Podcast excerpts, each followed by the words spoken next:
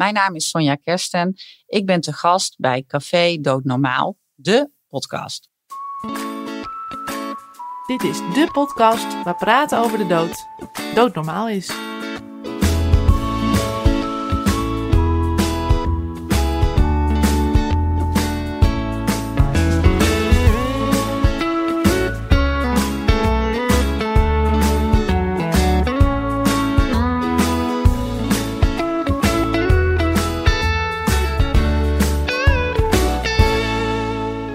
Vanuit het centrum van Amsterdam, in een verder verlaten NVVE-kantoor, heet ik je welkom bij een nieuwe aflevering van Café Doodnormaal, de podcast. Mijn naam is Gerard Ekelmans en op gepaste afstand zit tegenover mij, zoals altijd, Sebastiaan Hattink. Waar gaan we het vandaag over hebben, Sebastiaan? Nou, vandaag gaan we het hebben over een onderwerp wat we al heel veel besproken hebben tijdens onze vorige afleveringen. Namelijk het expertisecentrum euthanasie, voorheen bekend als, het, als de. Speciaal hiervoor schuift vandaag de nieuwe bestuurder van het expertisecentrum euthanasie aan, namelijk Sonja Kersten. Sonja, welkom. Dankjewel. Leuk om hier te zijn. Sonja, kan je ons eens meenemen, hoe is het expertisecentrum ontstaan? Um, nou, het is eigenlijk ontstaan als een soort project. Um, want in 2002 kwam uh, de euthanasiewet. Nou, dat was natuurlijk een, uh, een heel mooi uh, moment dat die wet er was. Maar tegelijkertijd zag de NVVE ook dat uh, toch niet iedereen toegang had tot de mogelijkheden die de wet bood. En het idee was om dat dus eigenlijk projectmatig te gaan onderzoeken van wat zou er dan nog nodig zijn om te zorgen dat er uiteindelijk wel iedereen hè, die ondraaglijk en uitzichtloos lijdt en ook een euthanasiewens heeft, dat verzoek ook echt in behandeling kunnen te laten nemen. Uh, dus toen is het uh, idee ontstaan uh, om daar een aparte stichting voor te maken. De Stichting Levenseinde Kliniek werd dat. En mijn voorganger, Steven Pleiter, is daar in eerste instantie dus projectleider van geworden. En zo is in 2012 die, die stichting opgericht. Dat is eigenlijk in heel kort de ontstaansgeschiedenis. En waarom hebben jullie gekozen om de naam Levenseinde Kliniek te laten vallen en door te gaan als expertisecentrum? Nou ja, toen, toen het dus werd opgericht, was het idee ook echt dat er mensen op die plek, in die kliniek, um, zouden uh, worden, worden opgenomen en uh, die daar zouden gaan sterven. Uh, maar dat is eigenlijk helemaal nooit gebeurd. Er zijn in, in het pand in Den Haag nooit patiënten geweest die daar de euthanasie hebben gekregen. Want mensen gaven eigenlijk al heel snel aan dat, het, nou ja, dat ze gewoon graag thuis willen overlijden in de nabijheid van uh, de kinderen en de kleinkinderen en de poes en de hond en, en niet ergens, ergens anders. Dus het pand in Den Haag is, is een kantoor en is nooit een kliniek geweest. En ook zag je dat vooral, ja, het is, het is geen levenseinde zorg. Het is echt, het focust zich, ja, het is natuurlijk een vorm van levenseinde zorg, maar het focust zich echt op euthanasie, wat we doen. Um, en we zijn eigenlijk ook altijd al een expertisecentrum geweest. Ik denk dat het veel beter de lading dekt. Um, uh, we vergaren natuurlijk ontzettend veel kennis. We bundelen die kennis ook. Uh, en we gebruiken die kennis ook om andere mensen artsen in het veld, verpleegkundigen, uh, wie dan ook, ja, uh, te bekwamen eigenlijk in het zelf oppakken van een euthanasieverzoek. Dus dat, dat, dat woord expertisecentrum is denk ik heel passend bij wat wij als organisatie zijn. Uh, en ook hoe wij ons positioneren in, in dat hele veld van levenseinde zorg. Ja. En kun je meer duiding geven wat jullie precies doen en hoe gaat het expertisecentrum te werk? Zeker, heel graag zelfs. Um, het is, uh, mensen kunnen zich bij ons aanmelden. Um, nou, en, en we werken echt puur volgens de wet. Hè? Dus de wet, uh, de euthanasiewet, eh, zoals we die kennen in Nederland. En daar zitten een aantal criteria. Uh, zitten daarin. Daar zijn ook verschillende podcasts al over gegaan. Dus mensen die zich bij ons aanmelden, die, ja, die lijden. En die lijden ondraaglijk. Uh, en geven ook aan dat dat lijden uitzichtloos is. En doen dus bij ons een verzoek. Wat we daar gaan doen is eigenlijk binnen 24 uur wordt er meteen een onderzoek in, opgestart. Uh, en dat begint altijd met kijken of iemand een machtiging heeft afgegeven. Om dus het dossier op te kunnen vragen. Dat is voor ons echt essentieel. Ze werken altijd Welk samen dossier, met de behandelaar. Dus, dus het medisch dossier van iemand, dat wordt opgevraagd. Want voor ons is het essentieel dat we samenwerken met de behandelaren. Dus iemand heeft een medische grondslag. Uh, dat, dat moet ook volgens de euthanasiewet. Nou, dat dossier wordt opgevraagd en vervolgens wordt er ook contact gelegd met de behandelaar. En wordt eigenlijk ook altijd de vraag gesteld wilt u niet zelf dit euthanasieverzoek onderzoeken?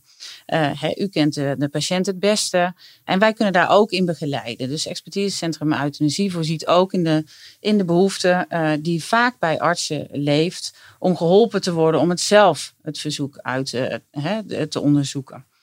Maar goed, soms zijn er echt principiële bezwaren of persoonlijke bezwaren of is het te complex het verzoek en dan uh, uh, geeft de betreffende ja, arts aan, nou, we willen graag eigenlijk dat u het verzoek overneemt. Nou, dan gaan we verder in ons proces. Dus dan nemen wij het verzoek over.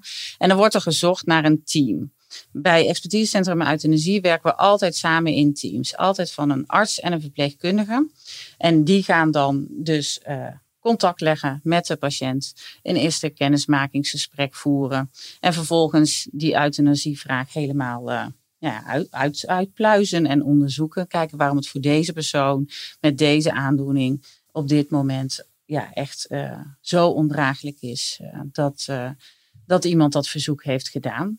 Ja, en als we dan tot, met elkaar tot overtuiging kunnen komen dat aan alle criteria is voldaan, dan geven wij uiteindelijk ook de euthanasie.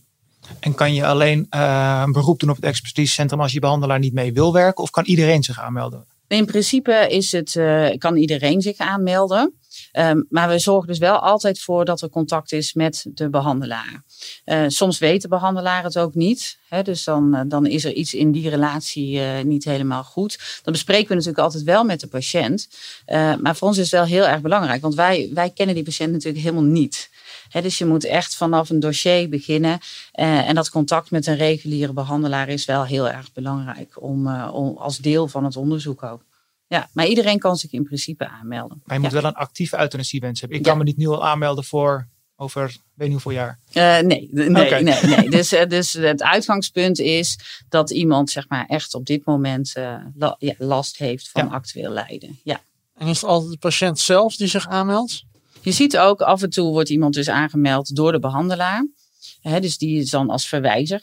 Uh, um, uh, meldt hij een patiënt aan. Uh, en een hele enkele keer wordt iemand ook door naasten of familie aangemeld. Ja, en jullie geven ook steun aan arts, als ik het goed heb begrepen. Melden, ja. zich, melden die zich ook zelf of gaat het altijd via de arts? via de patiënt? Nee, dat gaat via, heel vaak juist via de arts. Dus je moet het dan zo zien. Iemand komt bijvoorbeeld bij een huisarts uh, met een euthanasieverzoek, maar met een hele complexe ziektegeschiedenis.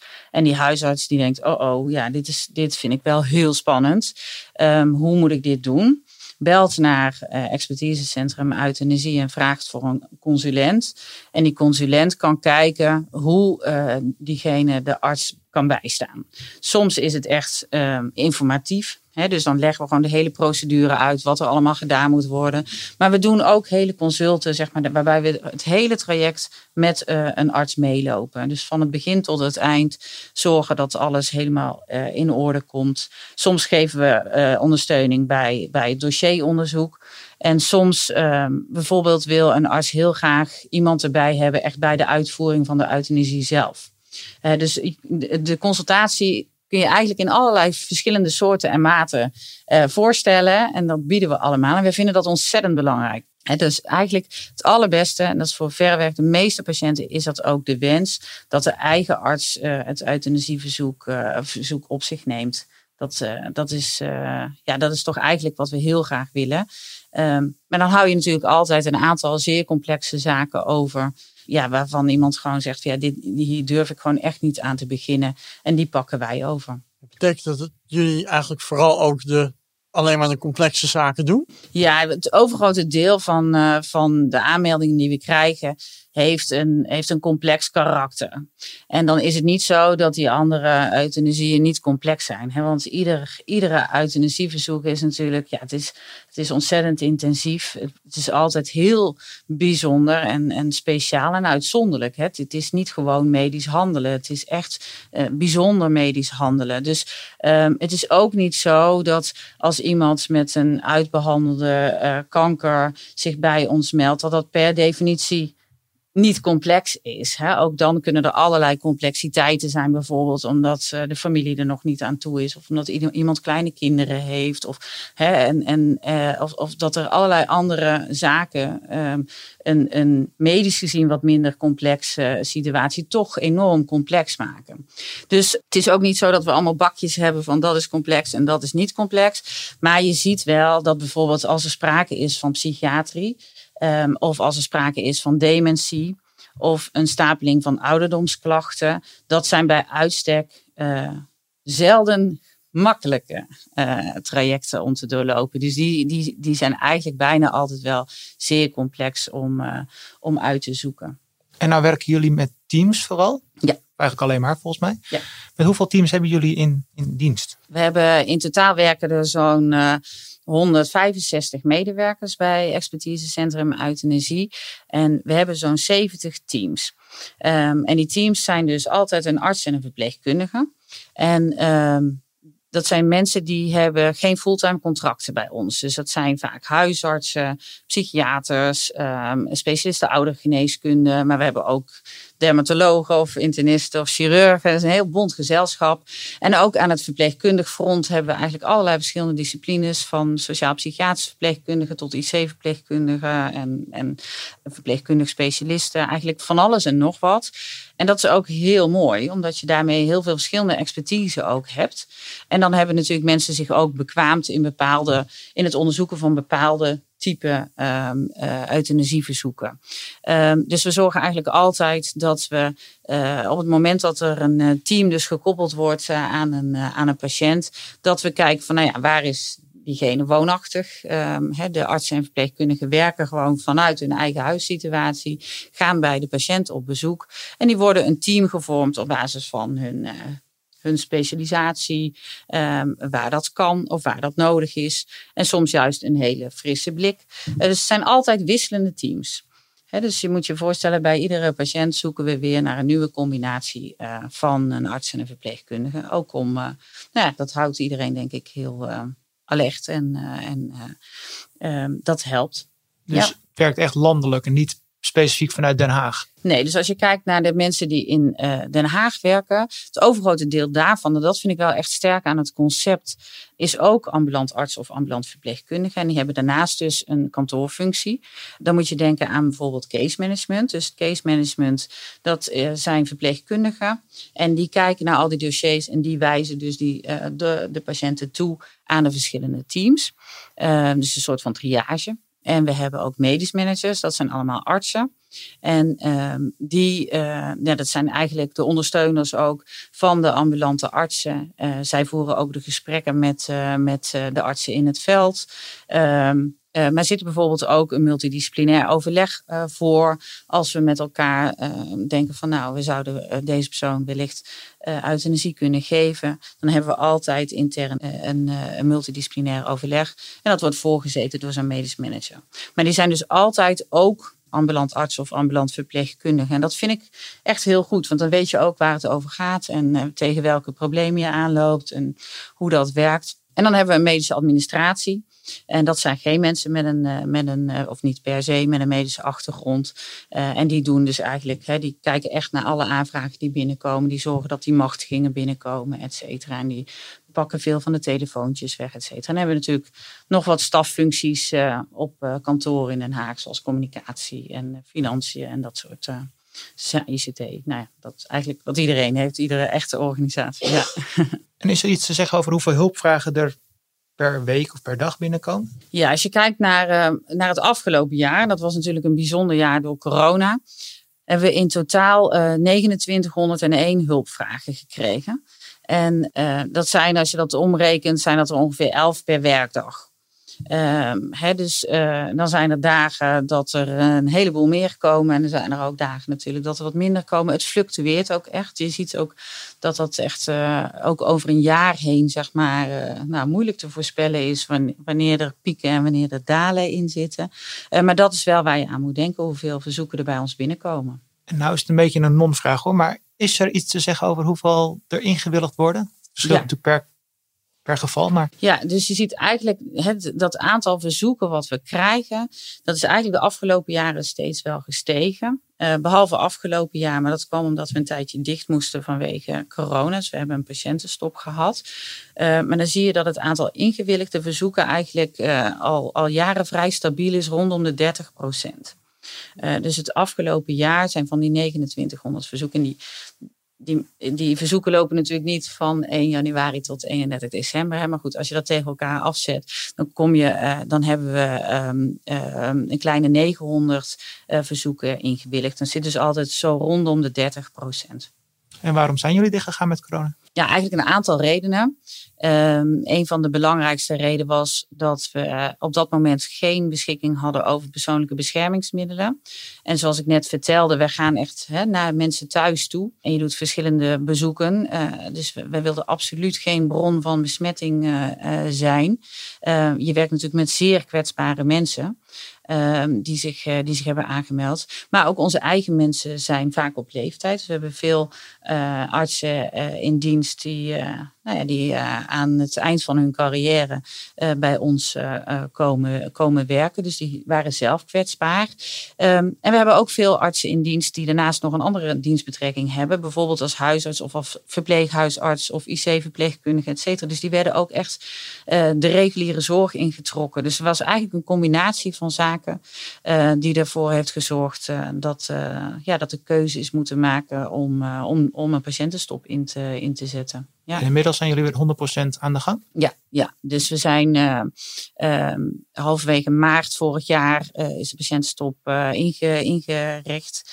En op 20 mei um, is, zijn we weer, hebben we alle hulpvragen weer, weer kunnen ontvangen. en je ziet nu, er is dus, was dus vorig jaar ook wel een wat langere wachttijd, ook voor mensen met lichamelijke klachten. Um, maar die is inmiddels, die is inmiddels weg. Dus, dus nou ja, de procedure zoals ik hem net schetste, die, die kunnen we inmiddels gewoon weer helemaal, uh, helemaal aan. Er is geen wachttijd als je je aanmeldt bij, de levens- bij het expertisecentrum euthanasie? Um, wel voor de psychiatrie. En dus als je kijkt naar um, um, de mensen met lichamelijke aandoeningen, zoals bijvoorbeeld oncologie, kanker of ALS of MS, um, nou ja, longaandoeningen, et cetera. Daar, uh, nou, die, die, die, verzoeken kunnen we snel oppakken. Als je kijkt naar de patiënten die zich melden met psychiatrische aandoeningen, daar is wel een wachttijd voor. En dat komt ook omdat we, we hebben weinig psychiaters zelf in dienst, zeven.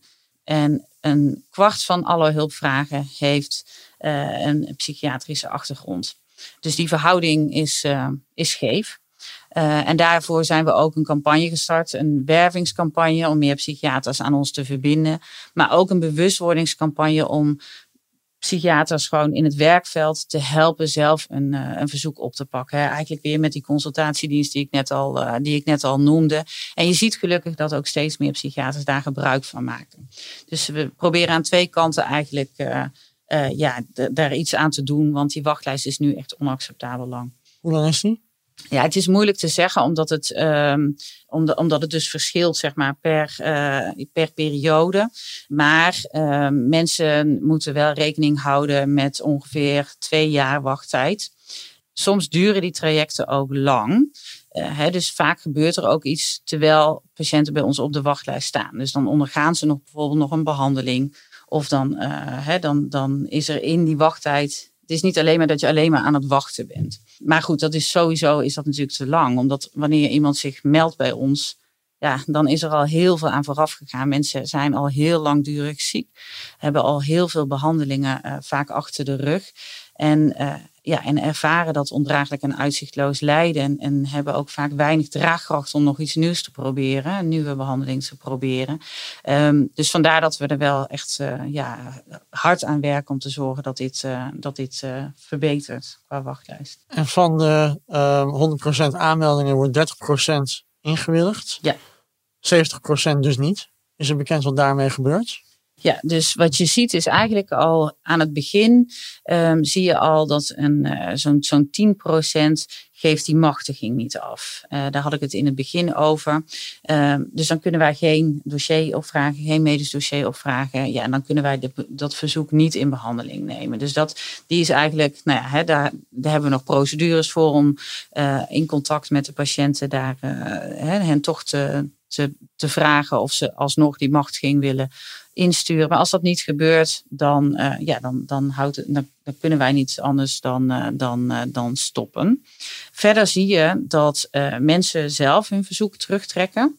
Dus die hebben zich aangemeld en zien dan toch nog een behandelmogelijkheid of een bepaald perspectief. Vaak ook omdat ze met een van onze artsen en verpleegkundigen hebben gesproken. dus in dat hele traject zie je um, dat, dat ze dan toch ineens gehoord en gezien zijn in hun euthanasiewens. Uh, en juist het feit dat ze daarin gehoord en gezien worden, geeft hen ook weer perspectief. En, en een soort van ruimte om, uh, om, om toch nog even verder te kunnen. En het idee dat, hè, dat, dat wij er zijn en dat het eventueel zou kunnen, uh, in ieder geval onderzocht zou kunnen worden, dat verzoek, dat geeft ruimte. Dus dat zie je met name in de psychiatrie, dat ook veel mensen hun verzoek weer terug intrekken. Je ziet ook dat mensen uh, gedurende het traject een natuurlijke dood uh, uh, sterven. Hè. Dus dat is vaker zo met mensen met een lichamelijke aandoening, dus die dus in het traject overlijden. En, en er zijn natuurlijk mensen die worden afgewezen in het traject omdat, we, omdat ze niet aan de zorgvuldigheidscriteria voldoen. Dus of um, we kunnen niet tot de overtuiging komen dat er sprake is van ondraaglijk of uitzichtloos lijden. Of we zien nog behandelopties.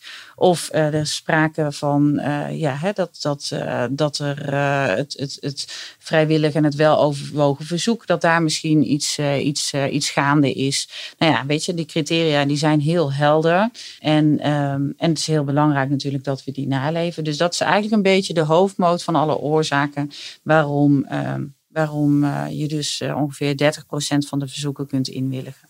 En als er iemand op de wachtlijst heeft gestaan en het blijkt dus dat er nog behandelingen mogelijk zijn. Stel, die zijn ook geprobeerd. Komt diegene dan weer onderaan de wachtlijst? Of is daar een snelle route voor? Nee, het is eigenlijk, je moet eigenlijk, iedere persoon die zich bij ons meldt, komt bij ons met een uniek verhaal. En, en he, dus, dus en voor de ene persoon is de ene aandoening uh, uh, met de ene behandeling veel zwaarder dan voor die andere persoon. Dus daar wordt echt heel goed naar gekeken, ook samen met die persoon, van hè, wat is de draagkracht, uh, wat, is, wat, wat helpt, wat helpt niet. Zeker omdat ik zei, hè, soms komen mensen dus ook in zo'n traject toch tot de, eigen conclusie van ik wil mijn aanvraag eigenlijk op dit moment terugtrekken.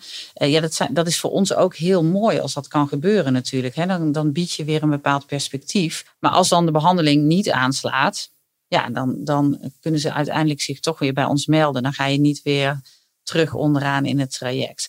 Behalve als we echt, echt moeten sluiten, zal ik maar zeggen. Het dossier moeten sluiten. Maar ja, dan, dan heeft dat uh, meestal een andere reden. En zou je niet kunnen zeggen dat in een ideale wereld het expertisecentrum overbodig is? Want dan voert de eigen behandelaar voert de euthanasie uit. En heb je meer misschien een expertisecentrum nodig als experts die je bij kunnen staan. als een soort consultatie. eh. Ja, precies. Nou, dat was ook eigenlijk toen Steven ermee begon.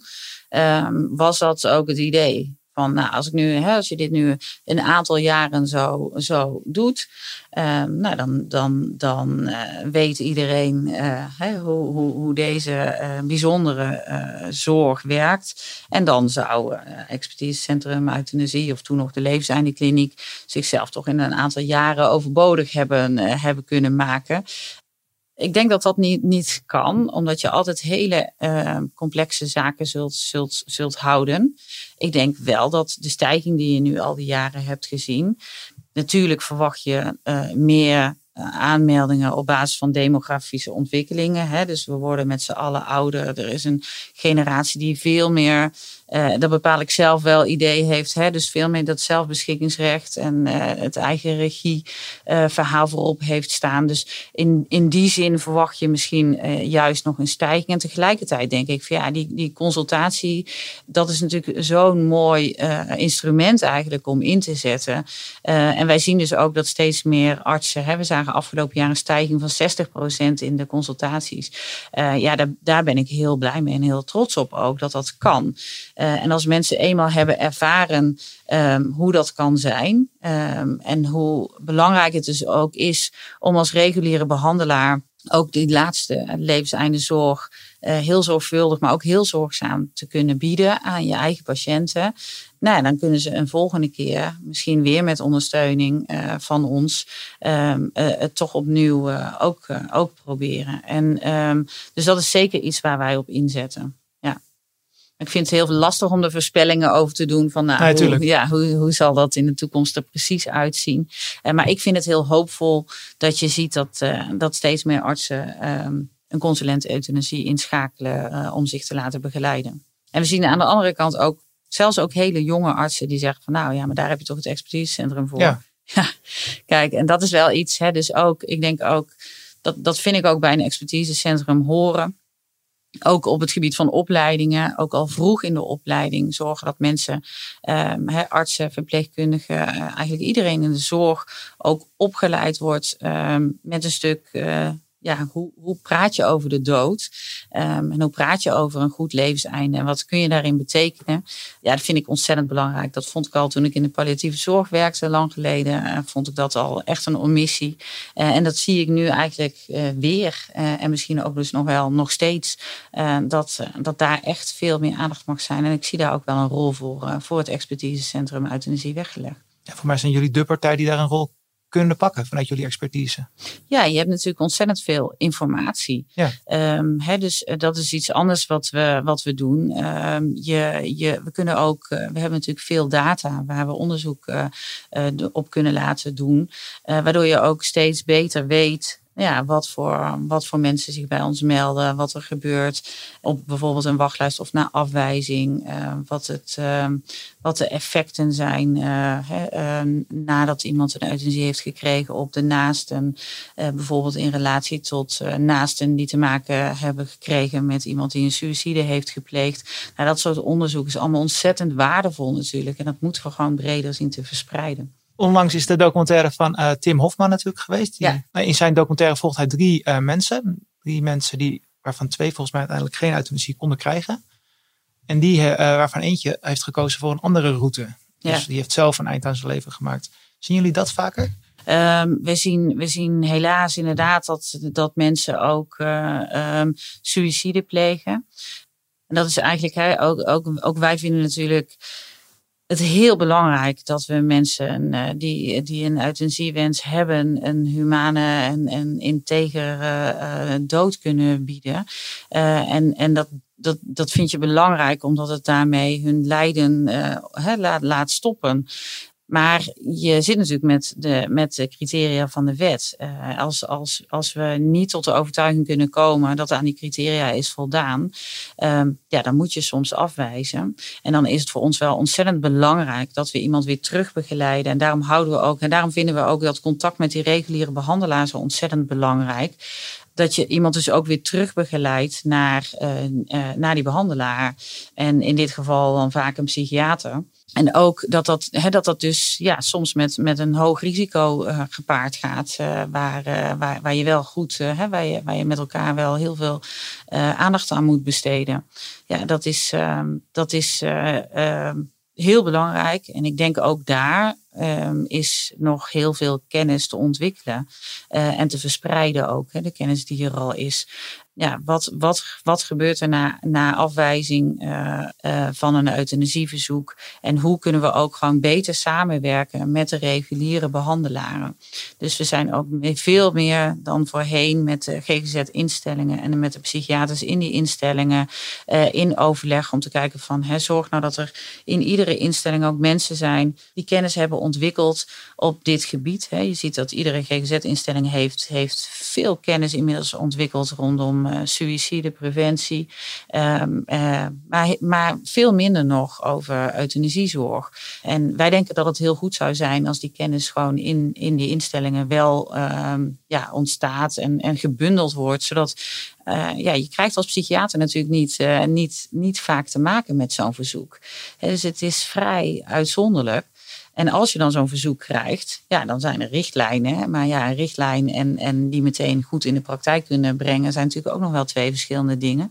Ehm, dus wij bieden steeds aan van hè, laat je door ons begeleiden, zoek die hulp. Maar het is ook heel fijn als er binnen de instelling steeds meer uh, kennis en expertise wordt opgebouwd. En daar willen we dus ook graag een bijdrage aan leveren. Ja, het is er iets te zeggen, hoe vaak komt een team, uh, moet een team een uit, uh, euthanasie uitvoeren? Is daar iets over te zeggen? Dus ja, we hebben dus steeds wisselende Ja, teams. ja. Ja. Dus ehm, kijk, en we, het is niet voor niks dat de, de artsen en verpleegkundigen die bij ons werken geen fulltime contracten hebben. Hè? Dus geen enkel traject is makkelijk. Het zijn hele intensieve trajecten, ook voor onze artsen en verpleegkundigen. Ehm, dus de meeste artsen en verpleegkundigen die bij ons werken, die werken zeg maar tussen de 8 en de 16 uur of zo voor expertisecentrum euthanasie. En dan dan heb je dus ook maar een x aantal eh, keer dat je in een jaar ehm, ja, een, hè, een euthanasie uitvoert. Ook om te zorgen dat die belastbaarheid van mensen eh, ja, gewoon eh, in, in orde blijft. Ja. Jullie hebben ook nazorg voor jullie medewerkers na een... ja, we hebben natuurlijk veel intervisie en, ehm, en begeleiding van mensen. En, en we kijken ook heel goed. eh, mensen kunnen ook zelf aangeven of ze nieuwe casuïstiek eh, a- aan willen nemen of niet. Dus we werken met een soort stop, stoplichtsysteem. Nou, als je bepaalde eh casuïstiek hebt die, die eh, in onderzoek hebt, die al heel veel van iemand vergt, eh, dan kun je dus tijdelijk even je, je stoplicht op rood zetten. En dan krijg je geen nieuwe zaken, ehm, nieuwe casuïstiek eh, toegewezen.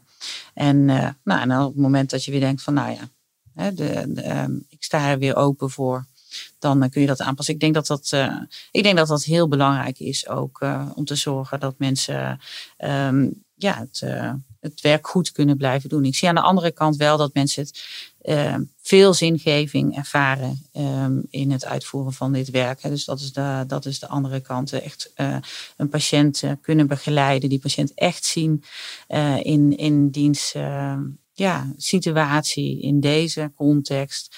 eh, met, met, met alles wat daaraan vooraf is gegaan. Daar een goed gesprek over hebben.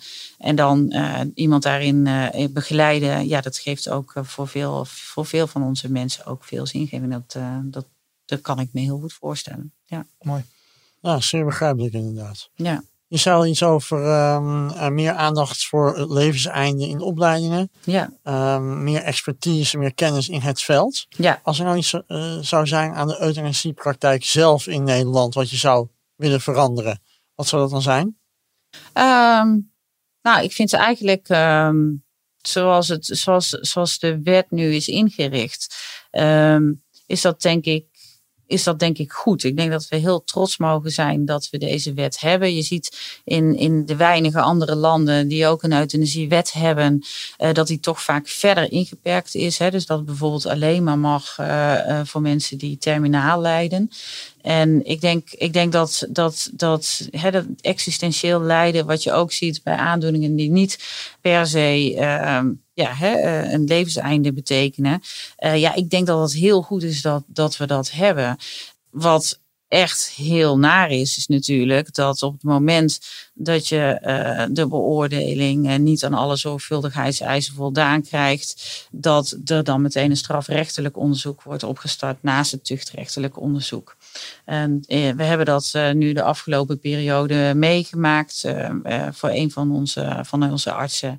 Dat is echt heel, heel zwaar geweest. En, en zo belastend eh, voor haar als mens, maar ook als professional.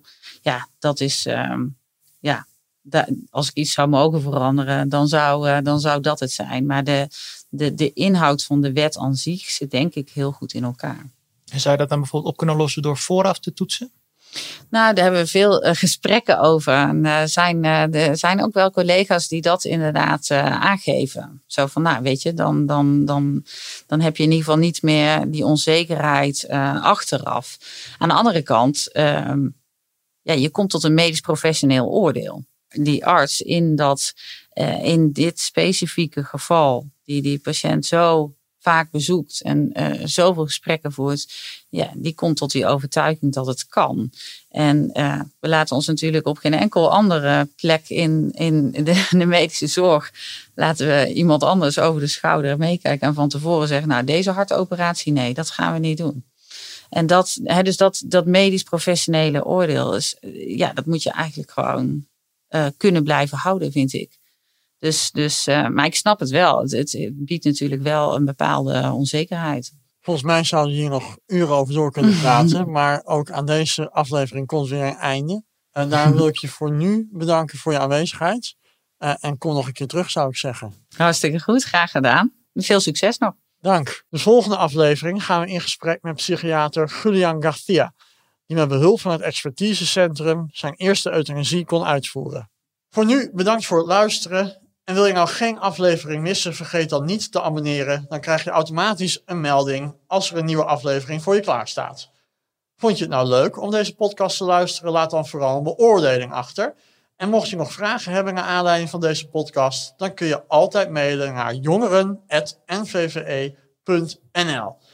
Als laatste willen we nog de NVVE bedanken voor het mede mogelijk maken van deze podcast. En zeggen we graag tot de volgende aflevering.